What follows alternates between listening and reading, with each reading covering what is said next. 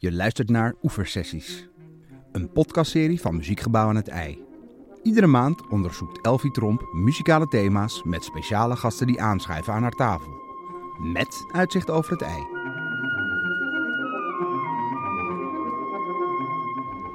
Vandaag gaan we op avontuur. Niet alleen door de muziek, maar ook door het gebouw. Want het muziekgebouw is een bijzondere. Eentje met vele geheimen en verhalen. Er zijn hier ja, vaste bewoners, zo noem ik het maar. Zoals uh, De Huil van de Wolf, een uh, vaste interactieve geluidsinstallatie die hier altijd aanstaat. Er is uh, Gerard, de huismeester. En er is het orgel. Het orgel dat sinds 2009 hier in de kleine zaal blijft. Het Fokkerorgel. En dat is een hele bijzondere. Misschien hoor je hem al op de achtergrond. Een beetje onheilspellend met de regen die hier op het dak tikt. We lopen er naartoe. Het is uh, een ongebruikelijk uh, orgel, heb ik me laten vertellen. Want het heeft niet 12 tonen, maar 31 tonen in haar octaaf. En hoe zo'n overdadig geluid dan klinkt, ja, dan moet je heel even wachten. Ik loop hier de kleine zaal in. En ik hoef hier gelukkig niet in mijn eentje op ontdekkingstocht. Want uh, ik uh, zie hier de twee orgelbespelers. Die hier op het Fokkerorgel uh, regelmatig spelen. En zoals het bij een orgel betaamt, is er een serie zondagmiddag- en ochtendconcerten. waarbij die naar hartelust bespeeld wordt. Maar. hi, ik kom even naar jou toe. Ere, toch? Ja, hallo. Ik ga het nu even goed zeggen. Ere Leerwonen. Leerwonen. Ik heb het bijna goed gedaan. Um, je komt uit uh, Finland. En ben je nou speciaal hier naartoe gekomen om dit uh, orgel te bespelen? Uh, niet echt. Ik kwam hier om muziek te studeren. En, maar na wat jaren was ik gevraagd om het nieuwe organist van het Fokkerorgel te worden. En dan Hi, hallo, je bent gestopt met spelen. Hallo, Laurens de Man, de tweede vaste organist van uh, het Fokkerorgel. Ik mag hier inderdaad uh, zo nu en dan spelen. Tot nu toe heb ik één concert mogen geven. Er waren er nog wat meer gepland. Maar door de bekende coronatoestanden is het daar niet van gekomen. Laurens, het is zo'n imposant orgel. Hoe voelt het voor jou om hier binnen te stappen en te bespelen, te mogen aanraken? Ja, een, een, een voorrecht, natuurlijk een eer, een plezier maar ook een uitdaging en uh, het, ook een soort verantwoordelijkheid om toch op dit heel rare instrument uh, iets fatsoenlijks te berden te brengen. Dat is echt een grote uitdaging, maar ook een hele mooie. Nou hebben klassieke muzikanten er een, een soort uh, band met hun instrument. Hoe zou je jouw band met dit orgel willen omschrijven? de makkelijke antwoord is een hate, love-hate relationship. Het, is, uh, het klinkt echt uh, geweldig als je het goed speelt, maar het vergt wel veel uh, oefening en het is een uitdaging, blijft een uitdaging om het goed te kunnen spelen. Maar dat wil ik doen en dat wil ik iedere keer een beetje beter doen. Laurens, Ere die zei net, ik heb een haat-liefde relatie met dit orgel. En dat toch al, nou ja, elf jaar toch, Ere? Ja, jij bent net begonnen. Het eerste concert er erop zit en er komen er meer aan dit jaar. Hoe denk jij dat uh, deze relatie met dit instrument gaat ontvouwen? Nou, het, we leren elkaar steeds beter kennen. Ja, het, lijkt best een, een, lastig karakter om, om je helemaal eigen te maken. Maar het begint langzaam een beetje te vorderen, heb ik het idee.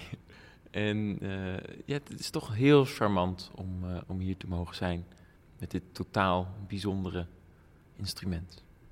Je zit eigenlijk een beetje in de witte broodsweek, ik hoor het al. Ja, zoiets. Ja, zo voelt het wel een beetje. Ja.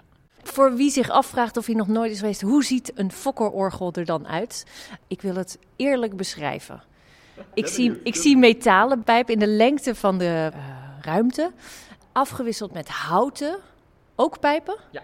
Ja, die zijn dan vierkant of eigenlijk rechthoekig.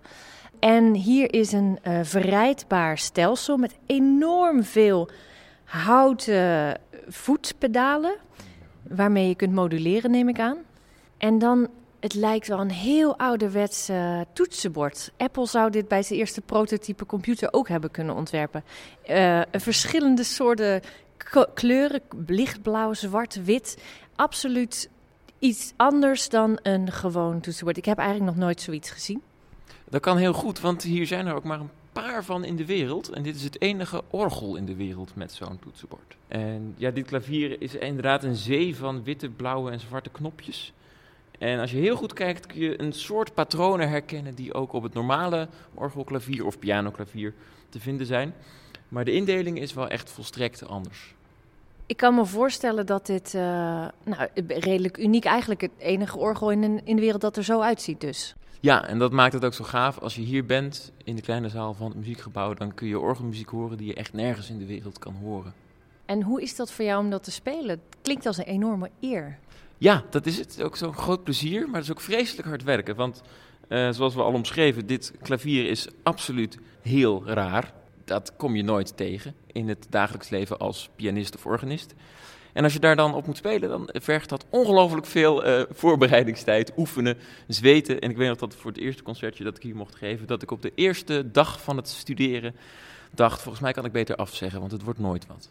Hoe, uh, hoe word je hier organist voor zo'n uh, bijzonder orgel? Moet je daar een soort auditie voor doen? Is dat een soort idols voor orgels? Nee, ik werd een keer gevraagd door de stichting Huygens Fokker, die het orgel beheert en de concerten organiseert, uh, of ik het leuk zou vinden om, uh, om iets te spelen. En ja, ze waren duidelijk op zoek naar, naar mensen die eigenlijk gek genoeg zijn om dit totaal idiote klavier te leren bespelen. En ik was zo gek om ja te zeggen, dus toen, toen moest ik.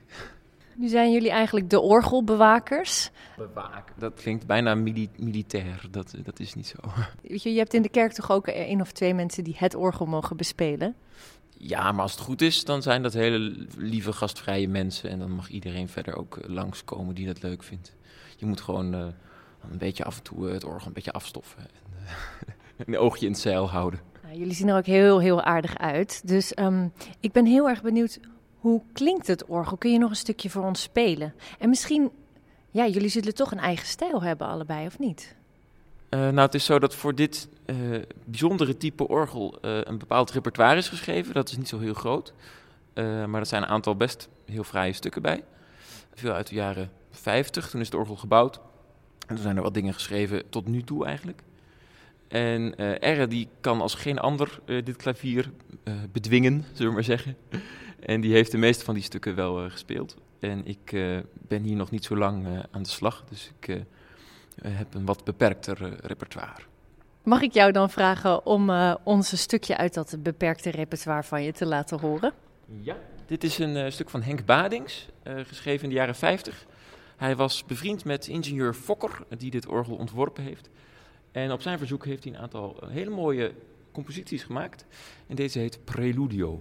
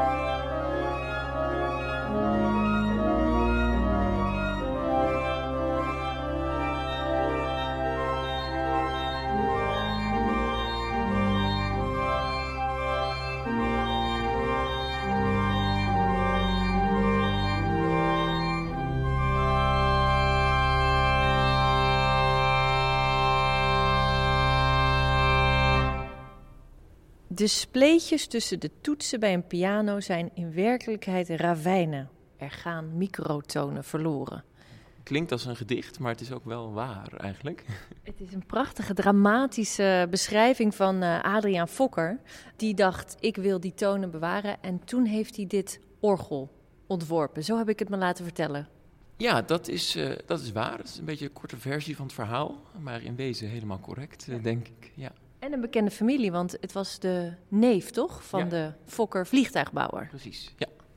En wat had Huygens er dan mee te maken met het orgel? Christian Huygens was een 17e eeuwse Nederlandse ja, natuurkundige, maar was een ontzettend breed ontwikkeld persoon. Vooral door natuurlijk eh, het slingeruurwerk dat hij heeft uitgevonden, is hij heel bekend geworden. Maar hij heeft ook zich bezig gehouden met optica en hij was vrienden met, met Newton, geloof ik. En hij was in Parijs heel bekend. Dat is echt een grootheid. En die heeft ook een klein geschrift eh, geschreven over muzikale stemmingen. Hoe je het beste eigenlijk een klavierinstrument zou kunnen stemmen. Voor de pianisten onder ons, eh, of eigenlijk alle muzici, die weten er zitten twaalf halve tonen in een octaaf. In de moderne stemming zijn dat twaalf even grote stapjes. Maar je kunt er ook voor kiezen om bepaalde intervallen ietsje reinig te stemmen, waardoor die intervallen nog mooier worden. Dan heb je wel weer als consequentie dat andere veel onzuiverder worden, echt onbruikbaar worden bijna. En toen dacht Huygens, je kan ook het klavier in 31 stapjes verdelen. En dan kun je eigenlijk relatief bijna overal een reine terts spelen. En dat is een ontzettend mooi interval dat toen heel geliefd was en nog steeds erg vrij. Eh, en met die 31 toetsen kun je dan overal een reine terts spelen.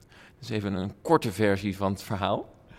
Kun je mij een Een reine... reine terts kan ik even Ik wil een reine terts horen, dat begrijp je. Wat je hoort is dat die klank helemaal stil is. Er zit geen zweving in. Als je die zou vergelijken met een moderne piano, Van de klassieke Fokker-orgel gaan we even naar de moderne technologie. dan hoor je dat die iets minder mooi is dan.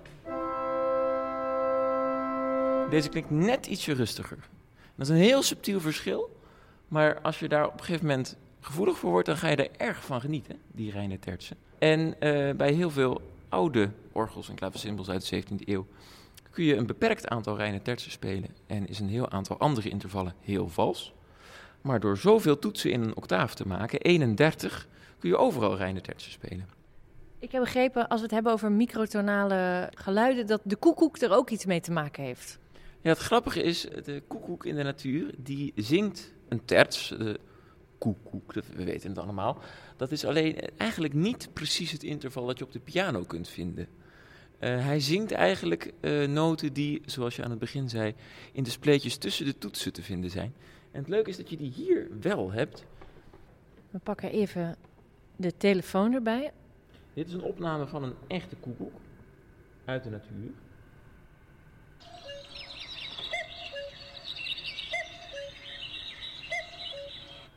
En dan hoor je dat het dit interval is. En dat is geen echte terts. Als je ze tegelijk speelt, klinkt het best vals. Hoor je? Dit zou een mooiere terts zijn. Maar de koekoek die doet dit rare liedje. En dat zit hier toevallig op. Dat is eh, eigenlijk een toeval. Of misschien wel een speling van de natuur of zoiets. Dat moeten biologen maar uitmaken. Nou, voor de gelovigen onder ons, dan weet ik zeker dat ze zouden zeggen: God heeft het zo bedoeld. Zeker, ja, Ja. kan. Je zei dat, ehm, het, dat het ontzettend lastig was, dit instrument. Maar waarom is het belangrijk dat het bestaat? Dat kun je je bij alle kunst wel afvragen. Maar eh, dit is een, eh, een voorbeeld van eh, ja, een heel mooi idee dat in de 17e eeuw in Nederland is ontstaan. En opgepakt is door meneer Fokker, want dat moet er even aan, wor- aan worden toegevoegd. Dat hij dat 31-toonssysteem zo'n bijzonder idee vond dat hij daar eigenlijk verder mee is gegaan. En die heeft dus ook dat hele orgel van de grond gekregen. En dat is een ontzettende prestatie geweest en ook uniek. En je kunt daar unieke klanken mee maken. Want door die 31 tonen heb je natuurlijk niet alleen die reine tertsen, maar ook allerlei andere hele kleine intervallen. Daar kan ik een klein beetje van laten horen. Waardoor je dus de meest wonderlijke eh, klanken kan krijgen. Bijvoorbeeld een soort blue note die je nergens anders kan horen.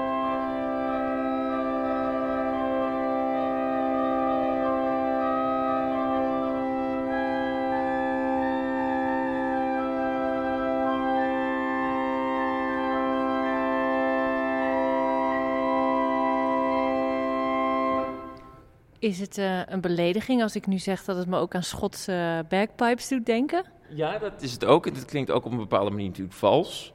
Maar je kunt bijvoorbeeld ook een soort glissando spelen, wat je ook op geen ander orgel kan.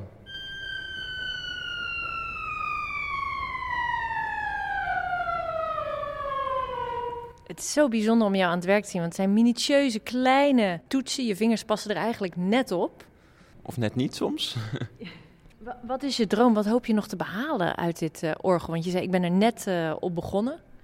Nou, het is natuurlijk uh, een hele uitdaging om concertprogramma's te maken die iets laten horen van wat dit orgel uniek maakt. Maar dat is soms ook een beetje theoretische muziek of muziek die, die niet altijd even aansprekend is. Dus het is altijd een uitdaging om dan weer stukken te vinden die er ook op passen. En die tegelijkertijd recht doen aan de eigenschappen van het orgel. En tegelijkertijd ook een heel boeiend concertprogramma maken. Erre, jij speelt uh, al langer op dit prachtige. Uh, nou ja, het is wel een eigen soort wezen bijna, toch? Uh, ja, het is al elf jaar geleden toen ik hiermee begon. begon. Heeft het orgel nog geheimen voor jou? Waarschijnlijk wel, maar die moet ik nog uitvinden. Goed antwoord, goed antwoord. Ook, uh, ook na al die jaren blijft het moeilijk om te spelen, want het is uh, in principe een totaal ander instrument vergeleken met uh, een gewone orgel met twaalf toetsen. Zou je ons willen laten horen wat je kan na elf jaar samenspelen met dit Fokker-orgel? Oké, okay, ik wil een, een, klein stukje spelen als een goede voorbeeld van een van de stukken uit de beginjaren van het Fokker-orgel uit de jaren 50. Een stuk van Hans Cox, heet Larghetto. Blaas me weg.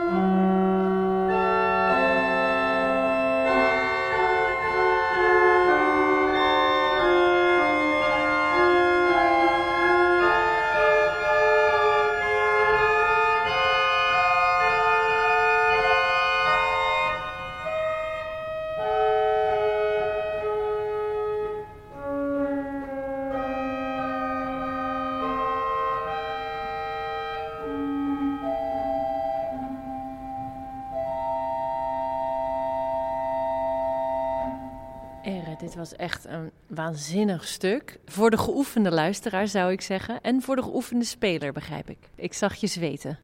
Door de pandemie heb ik geen, uh, sinds vele maanden niet geweest om te spelen. Dit is een beetje. Uh, Last van stijve vingers. Ja. Dat kan gebeuren. Ik ben wel benieuwd, dit stuk is nou specifiek voor het orgel geschreven, maar je kunt ook andere soorten muziek op het orgel spelen, heb ik begrepen. Ja, zeker. Uh, veel van de oude orgelmuziek is hierop bespeelbaar. Zoals Laurens zei, is het stemmingssysteem heel goed geschikt voor uh, renaissance en barokmuziek.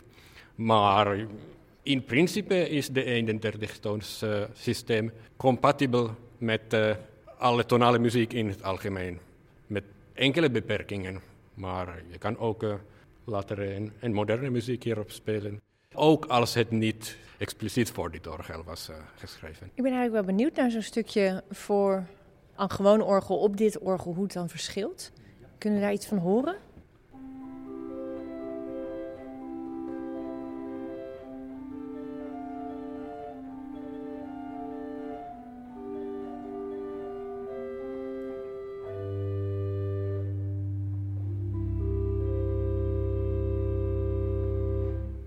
Oh, wauw. Ik zou dit wel elke avond voor het slapen gaan even willen horen.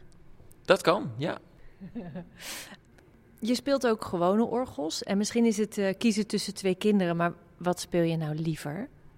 Nou ja, een gewoon orgel, laten we eerlijk zijn, dat speelt wel extreem veel comfortabeler dan dit idiote klavier.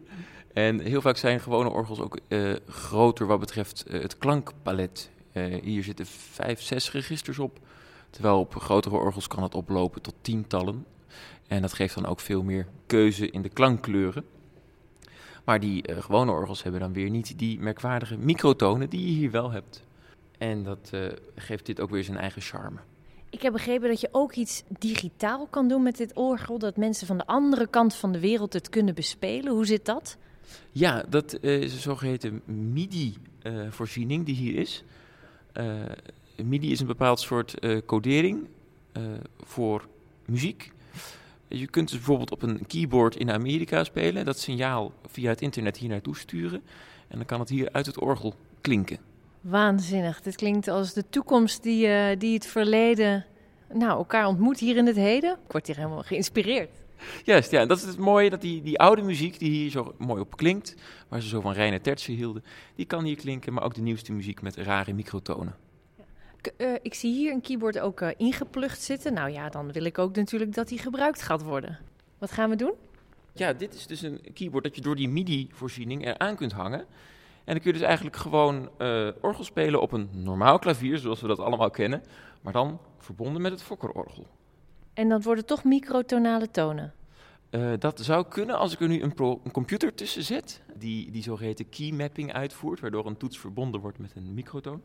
Nu zit die computer er even niet tussen, dus nu klinkt een uh, vrij normale stemming, uh, officieel genaamd de middentoonstemming, die in de 17e eeuw zo geliefd was, met een aantal reine tertsen.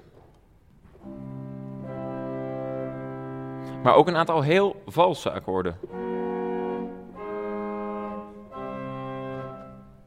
Klinkt een vals akkoord nog vals voor jou als je zo ja, breed gehoor hebt? Ja, zeker. Dat, alleen vals is misschien niet het goede woord. Je zou het ook eigenlijk extreem expressief kunnen noemen.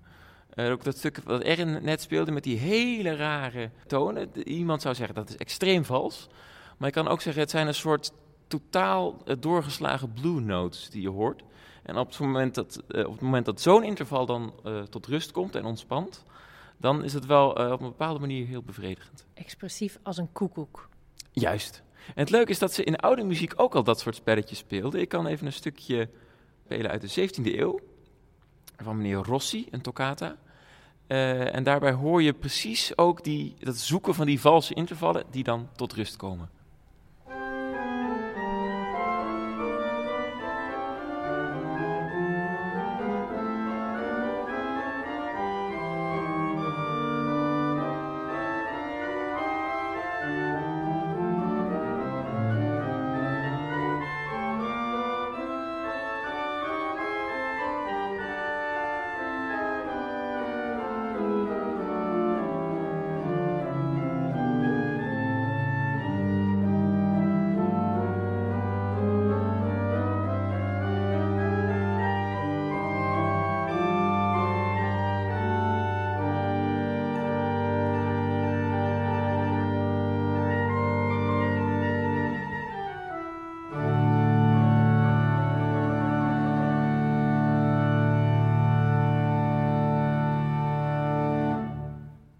Vind het echt zalig. Ik noem ook wel eens het orgel eh, de, wat musical voor theater is. Het is altijd overdadig, bombastisch. Het is een visueel spektakel. En dan ook nog die prachtige, rijke tonen. Het is een, uh, een genot voor oog en oor eigenlijk, hè? Ja, dat, uh, dat in het ideale geval inderdaad uh, komen er veel dingen samen. Ja. Ere, wat denk jij dat de toekomst is van dit orgel? Want we kunnen het dus vanuit Amerika bespelen. als we zouden willen via een wifi-verbinding. Het kan ook uh, in samenspel met andere instrumenten gebruikt worden. Wat denk jij dat ja, dit fascinerende orgel de muziek kan brengen in de toekomst? Nou, wij hebben al in de laatste elf jaren al met veel verschillende dingen uh, exper geëxperimenteerd. En we hebben veel concerten gehad in combinatie met andere instrumenten en zangers en computers. Je kan het uh, orgel spelen met het 31-toons toetsenbord of op een MIDI-toetsenbord, of gewoon een computer het orgel te laten spelen. En dan is er uh, geen limiet hoe snel en hoeveel noten tegelijk kan je spelen. En uh, sommige componisten en... hebben heel interessante stukken gemaakt die eigenlijk meer als elektronische muziek klinken. Uh, je, je, zou niet weten dat het een orgel is. Dus het orgel in de dansclub, in de nachtclub, zou zomaar kunnen? Ja, ik denk van wel. Spannend. Ik zou heel graag willen dansen op orgel. Ja, we moeten altijd zo braaf in die bankjes blijven zitten. Kun je mij uh, eens laten horen wat dit beestje allemaal kan? Kun je hem eens even flink laten zingen? Wat uh, ongewone klanken. Ik wil dat je me wegblaast. Ja,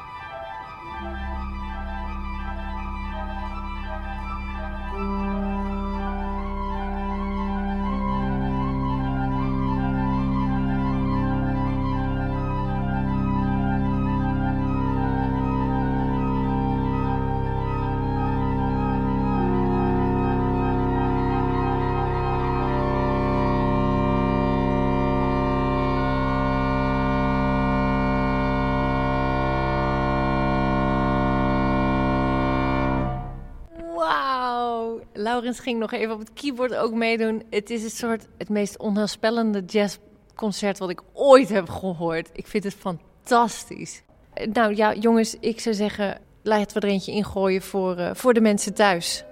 Dit was Oeversessies. Ja, ik ben helemaal overtuigd. Ik weet nu waarom dit orgel op de wereld moest zijn. En ik zou zeggen, als het weer mag, kom dan langs om dit bijzondere instrument in de kleine zaal van het muziekgebouw aan het ei te bewonderen. In de serie Orgel staat het Fokkenorgel centraal en kun je dit seizoen de mooiste concerten horen van oude muziek tot nieuwe muziek, niet-westerse muziek en elektronische avonturen. Maar mocht je nou al eerder willen orgelen, 6 mei is Laurens de Man te horen en te zien op het orgel in een livestream en dat een maand lang terug te kijken op www.muziekgebouw.nl. Bedankt voor het luisteren en heeft u genoten zoals ik van dit orgel? Luister dan, like het, deel en abonneer op deze podcast, zodat u meer prachtige muziek kunt horen.